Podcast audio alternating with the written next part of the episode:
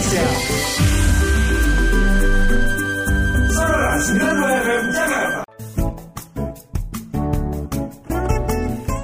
FM FM part of KG Radio Network. Sahabat Sonora ini ya Kalau setiap hari Jumat di pukul 14 Pastinya kolaborasi Sonora Network dengan Bentara Budaya Yang menghadirkan tokoh-tokoh uh, budayawan yang luar biasa ini sahabat Sonora.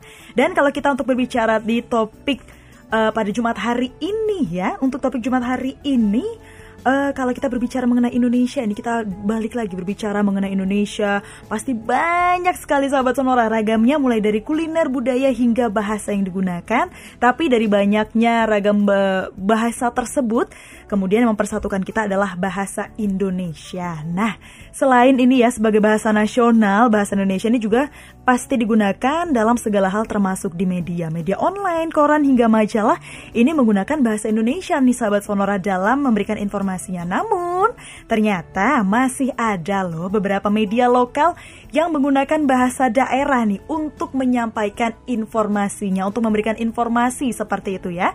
Salah satunya adalah majalah Panji Bersemangat. Hmm, untuk Anda mungkin sahabat Sonora ini pernah mendengar dengan majalah yang satu ini dan mungkin juga akhirnya memunculkan banyak pertanyaan, sejumlah pertanyaan. Bagaimana sih caranya majalah ini untuk bisa survive? Kemudian mengapa sih mengambil bahasa Jawa seperti itu ya? Dan pastinya banyak lagi pertanyaan-pertanyaan lainnya. Untuk menjawabnya, di siang hari ini saya sudah bersama dengan seorang pemimpin redaksi dari majalahnya itu ya. Ada Ibu Arkandi Sari atau saya mau menyapanya dengan Ibu Andi. Selamat siang Ibu Andi.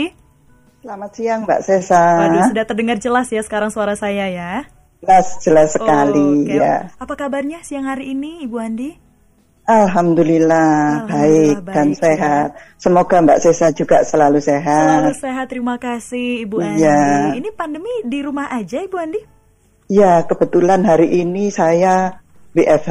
Mm -hmm. Tapi kemarin sempat ke kantor sebentar. Mm -hmm. Ini hari ini saya full di rumah gitu. Oh, iya mematuhi ini PKPM darurat apa? PPKM darurat Dar Bu ya. Ya, PPKM darurat betul. Jadi di rumah dulu aja, yang bisa WFH dibuat WFH dulu aja. Betul, Mbak. Ya. Ini uh, majalah dengan menggunakan bahasa daerah seperti itu ya, bahasa lokal.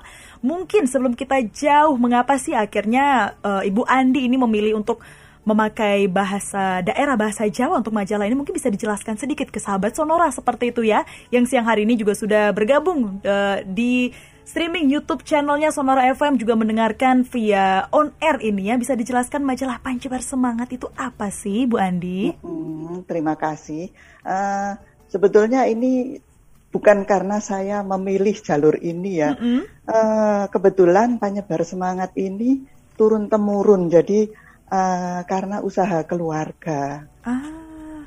Gitu. Jadi awalnya memang uh, saya ceritakan sedikit ya boleh, ya? boleh ya. Jadi boleh, penyebar uh, penyebar semangat ini terbit pertama itu tahun 1933. Jadi sebelum zaman kemerdekaan. Uh, nah waktu itu uh, misinya kan Dr. Sutomo ini ingin men menyampaikan pemikiran-pemikiran uh, untuk meraih Indonesia merdeka ini. Nah, waktu itu uh, sebagian besar masyarakat kita belum banyak yang mengerti bahasa Indonesia. Ah, nah, okay. maka diambilnya bahasa Jawa sebagai uh, bahasa pengantar di majalah penyebar semangat uh -huh. agar pemikiran-pemikiran Dr. Sutomo ini bisa tersampaikan ke masyarakat seperti itu. Uh. Nah, jadi uh, ketika pertama kali terbit itu yang uh, yang menangani apa namanya yang jadi redaktur pelaksananya ini Bapak Imam Supardi. Nah, Bapak Imam Supardi ini kakaknya kakek dari suami saya. Oh. Sebetulnya iya, sebetulnya ini garisnya suami dari keluarga suami. Mm -hmm. Tapi uh, uh, karena mungkin saya yang apa ya, saya memang pecinta budaya dari masa muda, Mbak. Mm. Jadi kebetulan saya itu uh, apa ya menaruh perhatian khusus dan kebetulan juga suami saya mungkin uh, waktunya kurang bisa mencurahkan ke, ke bidang ini hmm. akhirnya saya lah yang lebih apa yang lebih terjun ke pengoperasian majalah ini hingga sekarang. Ah, seperti itu. Seperti itu. Jadi memang dari Iya. awalnya karena dulu itu bahasa Indonesia belum banyak yang tahu akhirnya digunakanlah bahasa daerah Bahasa ini Jawa. bahasa Jawa. Iya, Ah, iya. Oke, dan Seperti ini itu. turun temurun seperti itu ya makin ke sini. Kalau tadi dari Ya. suami mungkin belum bisa memberikan waktunya seperti itu untuk menjalankan eh, bidang ini akhirnya dari Ibu Andi lah ya sekalian juga mungkin tadi kata Ibu. Andi juga memang sudah mendalami budaya seperti itu dari kecil ya. Iya, saya memang pecinta dari SMP itu ketika masih belum uh, apa ya orang men- menyukai batik, saya sehari-hari itu suka pakai batik seperti Ah, itulah. Kesukaan apa lagi nih ya- yang Bu Andi senang ini selain batik kalau di budaya ini? Ya bahasa mbak, jadi terutama uh, uh, untuk uh, selalu berusaha berkomunikasi menggunakan bahasa Jawa. Ah, Meskipun kadang kita juga kesulitan an- sama anak sendiri, kadang kan dia juga tidak tahu karena sekarang semakin zaman kekinian ini bahasa Jawa semakin jarang digunakan. Hmm, oke. Seperti itu, Jadi salah iya. satu hal yang dilakukan oleh Ibu Andi ini adalah Betul. ya menggunakan bahasa Jawa itu tadi, meskipun di rumah juga seperti itu ya Ibu ya. Betul, iya, Oke, iya. baik. Uh-uh. Ibu Andi ini banyak sekali pertanyaan-pertanyaan yang akan saya ajukan kepada Bu Andi, tapi nanti kita harus break dulu nih Bu Andi. Jadi disiapin Baik. dulu saja. Anda masih bersama kami di Sonora Network.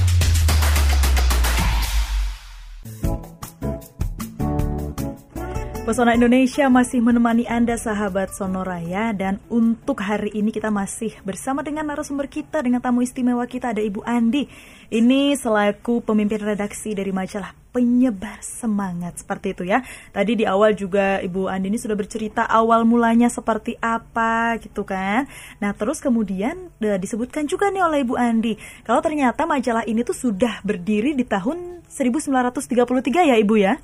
Betul. Berarti ini kalau matematika saya masih benar ini ya, belum salah-salah banget, ini sudah ada 80 tahunan seperti itu ya Ibu ya?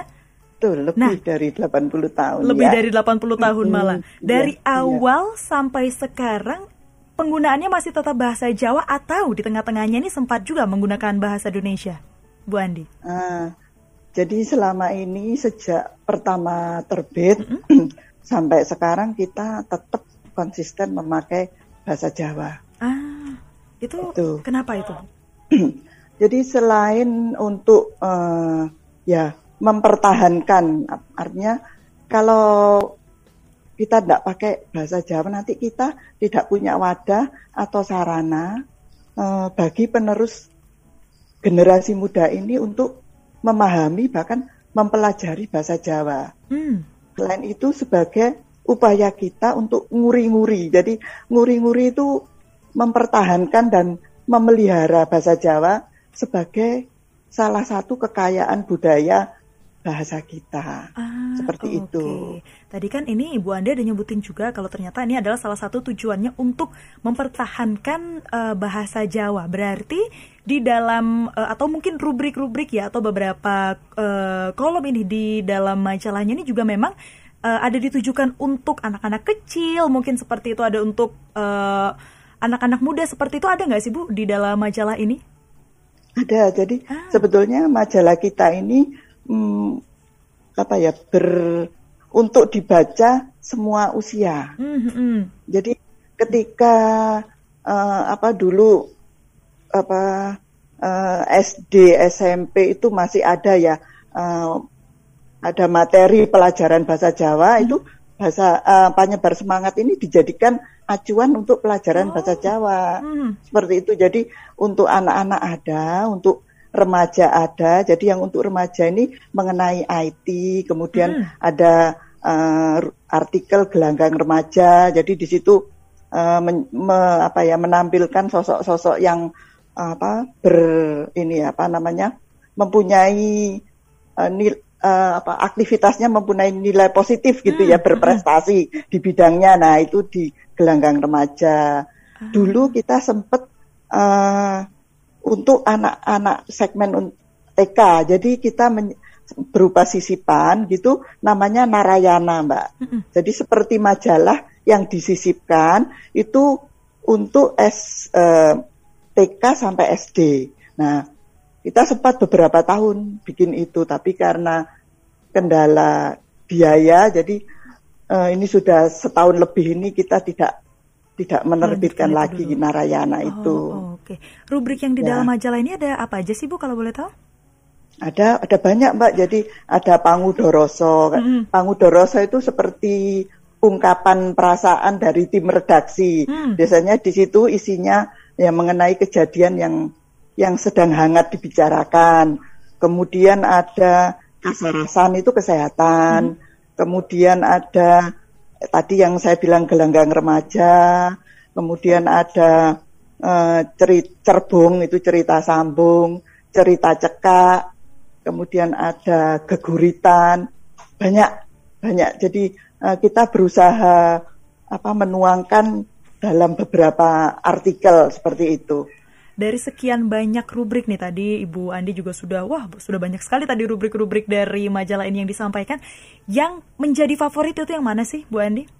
Hmm, kalau secara umum biasanya ketika orang ditanya itu suka yang ini Mbak cerita misteri. Oh. Jadi ya ada alaming lelembut namanya. Mm-hmm. Ya di situ uh, kadang jadi cerita bersambung, kadang hanya satu edisi saja. Di situ uh, biasanya ceritanya itu apa ya berlatar belakang misteri. Nah itu rupanya mm-hmm. yang yang banyak disukai seperti itu. Oh justru itu jadi dicari ya Ibu Andi ya cerita-cerita jadi banyak ya. yang uh, kadang teman yang sudah lama tidak ketemu aku kangen sama alaming lelembutnya hmm. gitu. Jadi ah. Kayaknya itu yang banyak disukai. Cerita-cerita gitu dapat uh, ininya dari mana sih Bu? Dapat beritanya gitu, dapat ceritanya itu dari mana sih? Kalau untuk yang tadi untuk cerita misteri ini kita konteksnya. Biasanya kita menerima kiriman, Mbak. Oh. Ya, itu kita juga apa ya, bersyukur bahwa orang-orang ini masih antusias hmm. dengan majalah kita. Jadi masih setia mengirim artikel itu bahkan sampai kadang kita memuatnya itu harus antri seperti itu. Oh, masih tetap aktif ya, ya berarti pembacanya sampai sekarang betul, ya, Bu ya? Betul, iya. Oh. Meskipun dari segi kuantitas itu memang pembacanya semakin lama semakin menurun. Mm -hmm. Seperti oh, itu. Okay. Kalau iya. untuk rata-rata usia nih, usia pembaca dari majalah ini tuh dari usia sampai uh, berapa sampai berapa sih, Bu Andi? Uh, yang banyak itu segmen tiga antara 30 30 tahun ke atas ya sampai mungkin ada juga pembaca kita yang usianya sudah sepuh jadi oh. sampai 82 tahun hmm. itu itu yang membuat saya apa ya terharu sekali gitu jadi beliau itu uh, menganggap penyebar semangat ini pembangkit semangatnya beliau sesuai gitu. dengan nama Seperti majalahnya itu. ya ibu ya ah oke okay. ya.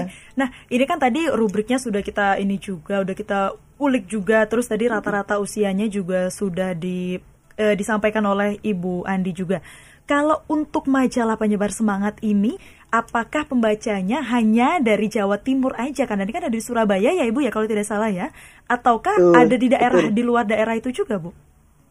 Nah, sebetulnya pelanggan kita itu merata seluruh Indonesia, Mbak. Oh. Ya, jadi yang uh, ini yang membanggakan kami juga ya, hmm. meskipun uh, tidak terlalu banyak tapi sampai di Kalimantan, di Lampung, hmm. di Bali, seluruh Indonesia ada. Oh, itu, Bahkan hmm. sampai ke luar negeri, terutama di Suriname. Hmm. Hmm. Oh, bahkan ya, kan, sampai ke luar negeri Suriname itu juga jadi pelanggan betul. gitu ya, Bu ya? Iya. Jadi kita dibantu oleh kedutaan. Hmm. Karena kalau tanpa bantuan kita berat di ongkos kirim, Mbak. Nah, benar. Baru itu tadi mau saya tanyakan, Bu, untuk iya. yang di luar negeri ini seperti apa? Iya. Kalau untuk yang di Kalimantan, yang ada di Lampung, itu ngirimnya bagaimana, Bu? Apakah memang uh, mungkin pertanyaannya adalah seperti ini. Untuk pengiriman distribusinya, distribusi dari penyebar semangat ini kan berarti merata di seluruh Indonesia seperti itu. Betul, iya. Jadi oh. kalau untuk yang uh, di Jawa itu dengan uh, apa pengiriman, Mbak hmm. untuk agen-agen pengiriman. Hmm. Tetapi kalau untuk luar Jawa, hmm. yang jauh-jauh itu kita lewat pos. Seperti oh, itu. Apakah dikirimnya untuk misalnya nih di daerah Kalimantan hanya misalnya ya Bu ya ada ada lima orang nih yang memang pembaca majalahnya apakah dari Ibu akan dibacakan oleh oh akan dibaca akan dikirimkan lima orang itu saja atau ibu memang ya sudah kalau misal memang mau ke Kalimantan kita beri stok berapa gitu. Jadi sekalian didistribusikan ke beberapa toko buku yang ada di Kalimantan Bu Andi. Nggak, jadi sesuai pelanggan. Oh, sesuai meskipun pelanggan. lima ya kita kirim. Ya oh. mbak seperti itu. Tapi kalau misalnya uh, ada kota-kota yang satu ada satu agen gitu bisa mencakup ke kota-kota sekitarnya itu kita kirim ke agen tersebut Mm-mm. nanti dari agen ini disalurkan ke para pelanggan seperti itu. Oh, berarti memang dari untuk majalah ini tuh kalau misalnya di Kalimantan tadi contohnya ada lima orang, maka yang Ya. dikirim adalah lima seperti itu ibu ya. Betul, betul, Ah, iya. Oke. Apakah sejauh ini terkendala ibu ketika hanya mengirim lima saja keluar pulau seperti itu? Iya, kendalanya itu kadang tidak sampai tujuan. Oh, Seperti itu. ada sempat kejadian ya Jadi ibu ya? ya kadang eh, pelanggan itu menghubungi kita loh, kita kok belum menerima majalahnya. Nah ini kalau sudah seperti ini kita komunikasi dengan pihak kantor pos. Hmm, Ada hmm, kendala apa? Kalau memang eh, terpaksa kita kirim ulang ya kita kirim ulang, Mbak. Seperti itu. Meskipun yang satu tadi belum nyampe, tapi akan kirim ulang seperti itu ibu ya? Betul, iya, Ah, iya. Jadi kita berusaha apa ya? eh, memberikan yang terbaik buat pelanggan. Karena pelanggannya itu sudah sedikit kalau kita ndak ndak memperlakukan pelanggan dengan Benar. benar-benar ya memuaskan kok rasanya eman nanti kalau Iya. pelanggan ini tidak lagi berlangganan penyebar semangat. Benar, atau karena mungkin memang satu-satunya informasi yang dia dapat yang memberikan semangat seperti tadi ceritanya Bu Andi untuk eh, bapak-bapak berusia 80 82 tahun itu ya Iya, untuk majalah itu iya. adalah penyebar semangatnya. Ibu Andi, nanti kita akan bercerita lagi banyak hal yang mau saya tanyakan lagi ya mumpung masih ada Ibu Andi di sini. Anda masih bersama kami di Sonora Network.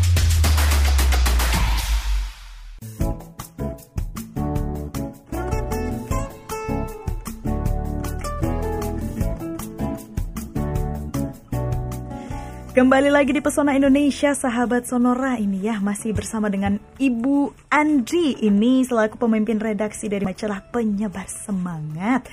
Ibu Andi tadi ini kan di awal di segmen sebelumnya deh tadi kita sudah bercerita juga bagaimana nih dari eh, majalah ini untuk bisa terus mengirimkan majalah-majalahnya bahkan sampai yang keluar Pulau Jawa seperti itu kan. Itu tadi salah satu tantangannya adalah tidak sampai alamatnya, tidak sampai di alamat pembacanya seperti itu. Bahkan sampai dari Bu Andi dan teman-teman ini juga harus mengirim lagi seperti itu. Apakah ada tantangan-tantangan lain atau ada kendala-kendala yang dihadapi nih oleh Bu Andi sendiri deh mungkin selaku pemimpin redaksi?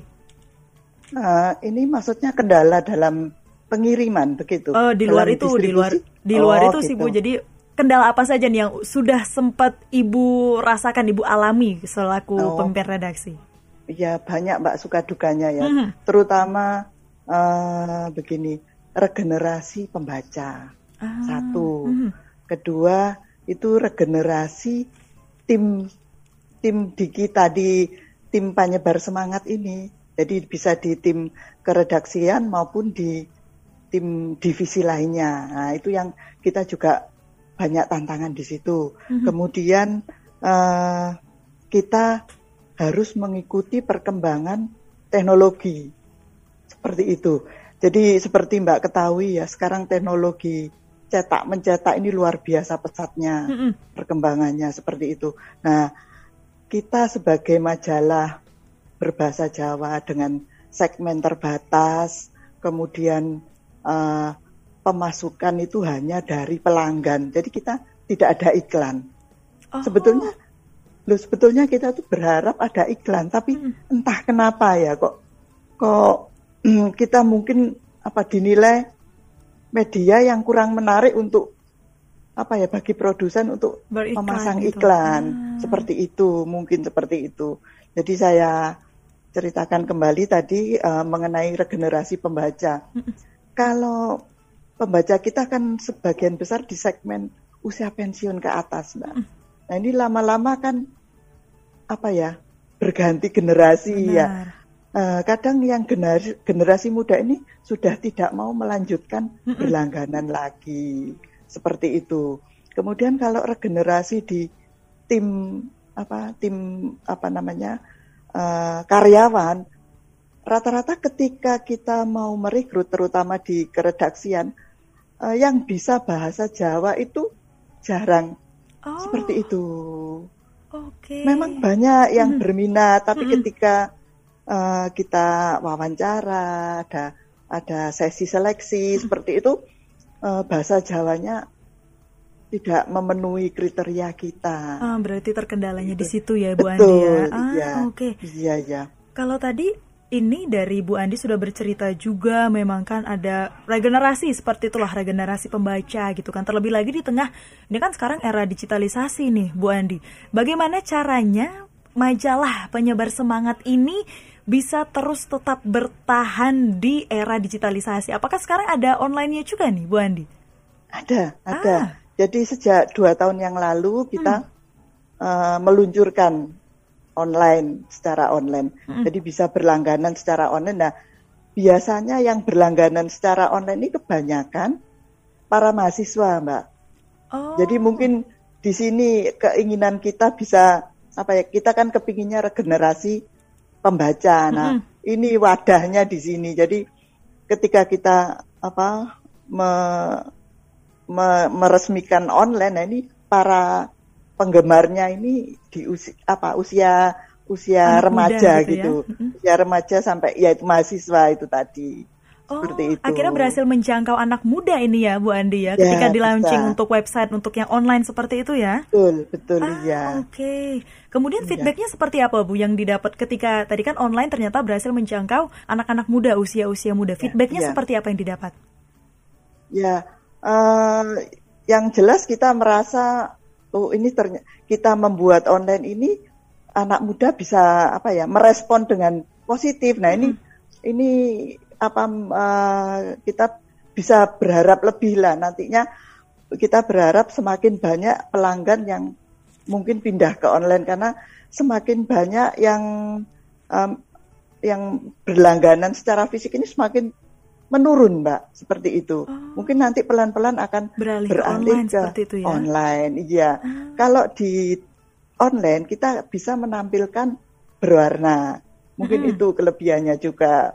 Tapi di media cetaknya tampilan kita tidak bisa berwarna. Nah, ini karena keterbatasan sarana yang kita punya. Ah, oke. Okay. Seperti itu. Jadi hmm. mesin yang kita gunakan itu sejak di atas apa ya 70-an itu Mbak. Oh, Sampai sekarang masih nah, kita gunakan. Itu tadi uh, menariknya ya. tadi saya sempat mencari uh, informasi juga ini ya katanya dari ciri khas dari majalah ini adalah karena memang masih menggunakan alat cetak manual ini di tahun 70-an dan katanya pencilitannya dilakukan manual juga nih. Benar nggak nih Bu Andi? Betul, iya.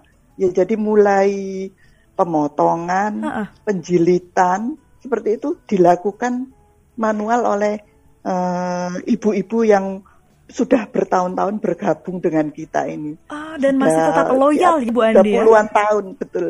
Betul oh, seperti okay. itu. Berarti untuk menciptakan satu buah, satu eksemplar untuk majalah itu semuanya dilakukan secara manual. Ya, kecuali cetaknya kecuali ya. cetaknya. Uh, uh, ya, setelah dicetak, nah itu kita pindahkan ke bagian pemotongan dipotong kemudian nanti ada penjilitan hmm. seperti itu baru di uh, apa dikemas ya dikirim untuk ke pelanggan seperti itu. Ah oke. Okay. Untuk uh, karyawannya sendiri ada berapa bu? Uh, karyawan kita di pancaran di percetakannya itu ada 15. Mm -mm. Kemudian yang di eh, kan kita ada pancaran itu penerbitannya mbak. Mm -mm. Penerbitan dan percetakan. Jadi yang di penerbitan ada 15, yang di percetakan ada 13. Oh, oke. Okay. Ya. Berarti cukup banyak juga ini dan memang masih pada loyal ini untuk bertahan sama-sama bertahan juga di majalah Bar Semangat ini ya, ya Bu Andi ya. Baik, Betul. Bu Andi kita harus break lagi. Nanti ya. kita akan ngobrol-ngobrol lagi lebih jauh. Anda masih bersama kami di Sonora Network.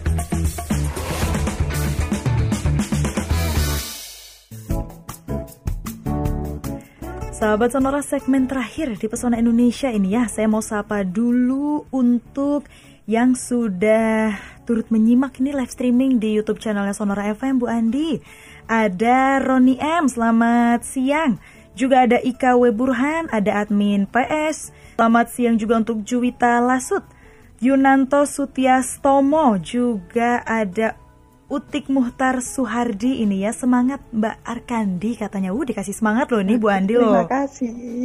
Banyak sekali uh, siang hari ini ya sore hari ini yang sudah uh, ikut bergabung ini di live streaming di YouTube channelnya Sonora FM yang pada memberikan Selamat sore sukses juga sukses untuk uh, majalah penyebar semangat katanya. Berarti banyak yang mendukung juga ini Bu Andi ternyata. Terima kasih sekali di penyemangat bagi Penyemangat kami. sesuai balik lagi nih penyebar ya. semangat jadi semangat juga nih untuk Bu Andi dan iya. teman-teman. Ya. Bu Andi ini kalau tadi kita sudah berbicara bagaimana uh, majalah ini seperti itu kan uh, pembacanya dari siapa saja, dari mana saja seperti itu. Tiap minggunya ini penyebar semangat ini majalahnya dicetak berapa eksemplar sih Bu Andi? Nah, ini karena kondisi pandemi ini membuat kita semakin menurun, Mbak. Ah, tadinya berapa nih sebelum pandemi berapa? Uh, rata-rata sepuluh ribu. Oh, mm-hmm. ya rata-rata sepuluh ribu tiap minggu. Nah ini uh, pandemi ini juga berpengaruh sekali. Jadi Karena berapa banyak yang uh, ini sekarang itu kisaran 8.000, kadang oh. 9 ribu seperti itu. Lumayan ya Bu ya? Ya, tapi ya kita cukup apa ya? Karena penurunan ini benar-benar dampaknya terasa bagi mm. kami, Mbak, seperti mm. itu. Karena pemasukan itu ya kita hanya dari pelanggan, mm. tidak ada yang lainnya. Jadi kalau pembayaran dari pelanggan, katakanlah dari agen itu kadang kan terlambat ya karena situasi seperti ini ya. Kita ya hanya bisa apa ya bisa memaklumi yeah. karena uh, mau menuntut lebih itu kan ya tidak sampai hati karena memang di kondisi seperti ini semua kesulitan. Ini dampaknya juga bagi kami di perusahaan hmm, okay. merasakan kesulitan juga. Uh-uh. Ini karena di tengah pandemi seperti itu ya Bu Andi ya. Dari awal juga tadi sudah dikatakan untuk majalah penyebar semangat ini pemasukannya hanya dari pelanggan seperti itu, tidak ada iklan uh, seperti itu ya Bu Andi. Nah, ya. bagaimana nih Bu Andi bisa mengontrol, bisa membawa penyebar semangat ini tetap bertahan di tengah pandemi? Langkah-langkah apa yang Bu Andi lakukan? Uh, yang pertama ya kita berhemat itu pasti Mbak. Mm -mm. Jadi uh, benar-benar untuk pembelanjaan mata, materi untuk produksi majalah ini kita kita atur lagi. Jadi benar-benar sesuai dengan yang dibutuhkan. Kalau dulu kita sempat nyetok seperti itu ya, katakanlah kita nyetok kertas, nyetok apa tinta, ya bahan-bahan yang untuk produksi ini. Kalau ya. sekarang kita tidak bisa. Jadi kapan kita mau cetak ya kita menyediakan sesuai untuk cetak itu hmm, saja. Hmm, hmm. Seperti itu. Kemudian penghematan di pos-pos yang uh, memang uh, tidak diperlukan menurut saya seperti itu. Jadi ya intinya kita harus berhemat karena kami berusaha sekuat tenaga jangan sampai ini apa melakukan PHK seperti itu. Oh, berarti dari awal pandemi hingga sekarang belum ada yang dirumahkan, Ibu ya? Betulnya ada. Uh -huh. Ada, tapi saya benar-benar meminimalisir mbak hmm. seperti itu. Hmm, hmm, hmm, hmm, karena kita sudah seperti keluarga. Keluarga ya jadinya ya, ya hmm. bertahun-tahun karyawan kami itu apa ya ya hidupnya uh, artinya lingkup PS ini dengan manajemen kekeluargaan. Jadi kalau ada permasalahan apa itu diselesaikan dengan kekeluargaan. Makanya kita seolah-olah seperti keluarga kedua setelah di rumah mm -mm. seperti itu. Ini selama pandemi apakah uh, untuk yang tadi bagian percetakan, penerbitan dan segala macamnya itu apakah tetap masuk kantor juga atau seperti apa Bu nih teknis ke pekerjaannya ini ketika pandemi? Jadi ketika mulai tahun tahun lalu ya, mm -hmm. ketika pandemi mulai menyerang kita ini, ya kita memat mematuhi aturan saat itu kan dihimbau uh, separuh-separuh, jadi yeah. separuh WFH, separuh WFO seperti itu. Nah itu kita terapkan hmm. sampai sekarang. Uh. Sekarang malah uh, sekarang malah lebih ketat sepertinya. Ya, jadi ya jadi saya biasanya setiap hari ke kantor. Sekarang saya tiga hari paling kalau ke kantor pun itu hanya untuk hal-hal yang saya kira penting harus saya saya datang ke kantor seperti aja. Hmm. Ketika urusan sudah selesai saya akan cepat pulang seperti itu. Oke, baik. Bu Andi, ini saya mau bertanya, bagaimana nih dari penyebar semangat ini, dari majalah penyebar semangat ini melihat perkembangan bahasa Jawa ini seperti apa, Bu Andi? Kalau perkembangan bahasa Jawa, kalau dilihat dari uh, misalnya tata bahasa gitu ya, uh, masyarakat sekarang itu banyak yang tidak tahu tata bahasa yang benar. Jadi misalnya penggunaan a dan o, ora popo gitu. Itu sebenarnya kan tulisannya ora papa. Seperti itu. Kemudian dodo. Nah, itu orang nurnya do do. Yeah. Nah, uh, harusnya ada hanya. Ah. Kemudian kayak pemakaian th dan t, notok lawang. Nah, itu notok. Nah, seperti itu masih apa namanya? Masih banyak yang nggak tahu. Masih belum seperti, itu ya. Ya, mm-hmm. seperti itu. Cuma uh, melihat antusiasme kayak pengiriman artikel dari mm. apa masyarakat ke penyebar semangat ini lumayan banyak kita cukup bersemangat, Mbak, mm. cukup optimis kalau bahasa Jawa ini kalau diopeni dengan benar, kalau apa namanya kita memberikan wadah, memberikan sarana bagi penerus ini ya, penerus generasi yeah yang sudah mulai melupakan bahasa Jawa ini insya Allah bisa masih lah lanjut kita ya Bu Andi ya, ya melihat itu. dari feedbacknya juga masih bersemangat ini artikel juga masih ya. dikirimkan tadi kata Bu Andi ya. berarti untuk uh, tujuan dari penyebar semangat ini juga masih lanjut untuk mempertahankan bahasa Jawa seperti itu ya Bu Andi ya. Bu Andi, ini kan penyebar semangat sudah 80 tahunan lebih gitu kan, sudah ya. sudah memuaskan lah untuk pembaca yang ada di Indonesia seperti ini. Ada nggak sih hal-hal yang belum dilakukan ini dari penyebar semangat? Mungkin dari Bu Andi nih selaku pemimpin redaksi seperti itu. Ada yang belum tercapai nggak sih? Atau mungkin ada rencana ke depannya yang ingin dilakukan untuk penyebar semangat? Ya, uh, sebetulnya keinginan kami itu hadir dengan lebih baik berusaha hadir dengan lebih baik. Jadi salah satunya misalnya seperti ini.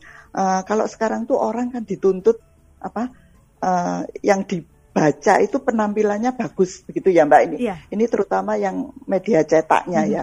Uh, nah selama ini kita belum bisa tampil dengan full color mm -hmm. karena keterba keterbatasan mesin cetak kami itu. Yeah. Jadi uh, hanya covernya saja kita bisa menampilkan yang full color, tapi untuk isi kita hanya bisa menampilkan hitam putih seperti itu. Hmm. Nah ini yang hmm. sebetulnya uh, kita ini kepingin kapan ya bisa tercapai kita ini hadir di tengah-tengah pembaca dengan tampilan yang lebih semarak Wah, seperti itu. gitu ya Bu ya. Betul, hmm. seperti itu karena orang sekarang kan melihat waduh ini kok tampilannya bagus nah jadi mau membaca hmm. seperti itu. Benar-benar. Iya, itulah ah yang untuk ke depannya rencananya seperti itu ya Bu ya. Betul, oh, iya. Okay. Amin iya. semoga kesampaian ya Bu Andi ya. Amin, Karena ini masih pandemi ya. jadi satu-satu dulu ditata. Tadi juga dari online ternyata juga sudah mulai bisa nih merangkul uh, pembaca muda seperti itu kan dan sebenarnya dengan ya. online juga jadi sedikit membantu untuk bagian budgeting ya kan ya Bu Betul, Andi ya. ya. Hmm, ya, Oke. Okay. Terakhir Bu Andi, mungkin bisa disampaikan ada pesan untuk sahabat Sonora ini yang siang hari ini sedang mendengarkan. Silakan uh, untuk pendengar Sonora, sebetulnya saya terima kasih sudah diberi kesempatan seperti ini. Uh, guna apa? Pakailah bahasa Jawa untuk uh, komunikasi sehari-hari agar bahasa Jawa kita ini tidak punah. Karena kalau tidak dipakai jadi punah, Mbak. Mm-hmm. Sebetulnya dalam bahasa Jawa ini mengandung uh, apa ya? Untuk pendidikan karena ada aturan ketika anak-anak bicara dengan orang tuanya, nah itu ada aturannya. Ya. Di situ mengandung apa ya unsur pendidikan. Jadi anak itu bisa menghormati orang yang lebih tua, apalagi orang tuanya. Itu nanti bisa uh, menimbulkan ini unggah-ungguh, hmm. unggah-ungguh. Jadi uh, Mbak Sesa mungkin tahu ya sekarang jarang sekali anak-anak itu ngerti apa yang namanya unggah-ungguh seperti itu karena ya itu tadi bahasa Jawa sudah jarang dipakai seperti itu. Oke, jadi tetap gunakan bahasa Jawa kalau kata Bu Andi tadi supaya tidak punah gitu. Mungkin juga sekalian bisa belajar dari penyebar semangat ini untuk belajar tata bahasa Jawa. Seperti itu ya Bu Andi sekalian promosi boleh kok. Iya. Iya. Bu Andi terima kasih atas waktunya sudah berbagi untuk sahabat Sonora di sore hari ini yang menonton via WhatsApp, eh menonton via WhatsApp jadi menonton via live streaming di YouTube channel Sonora ini juga banyak sekali sudah memberikan semangat semua tetap semangat untuk Bu Andi dan tim yang ada di Surabaya ya jaga kesehatan Bu Andi semoga kita ketemu lagi di kesempatan lainnya ya. Ya terima kasih. Terima sampai kasih ketemu sampai ketemu lagi selamat ya, sore. Mbak.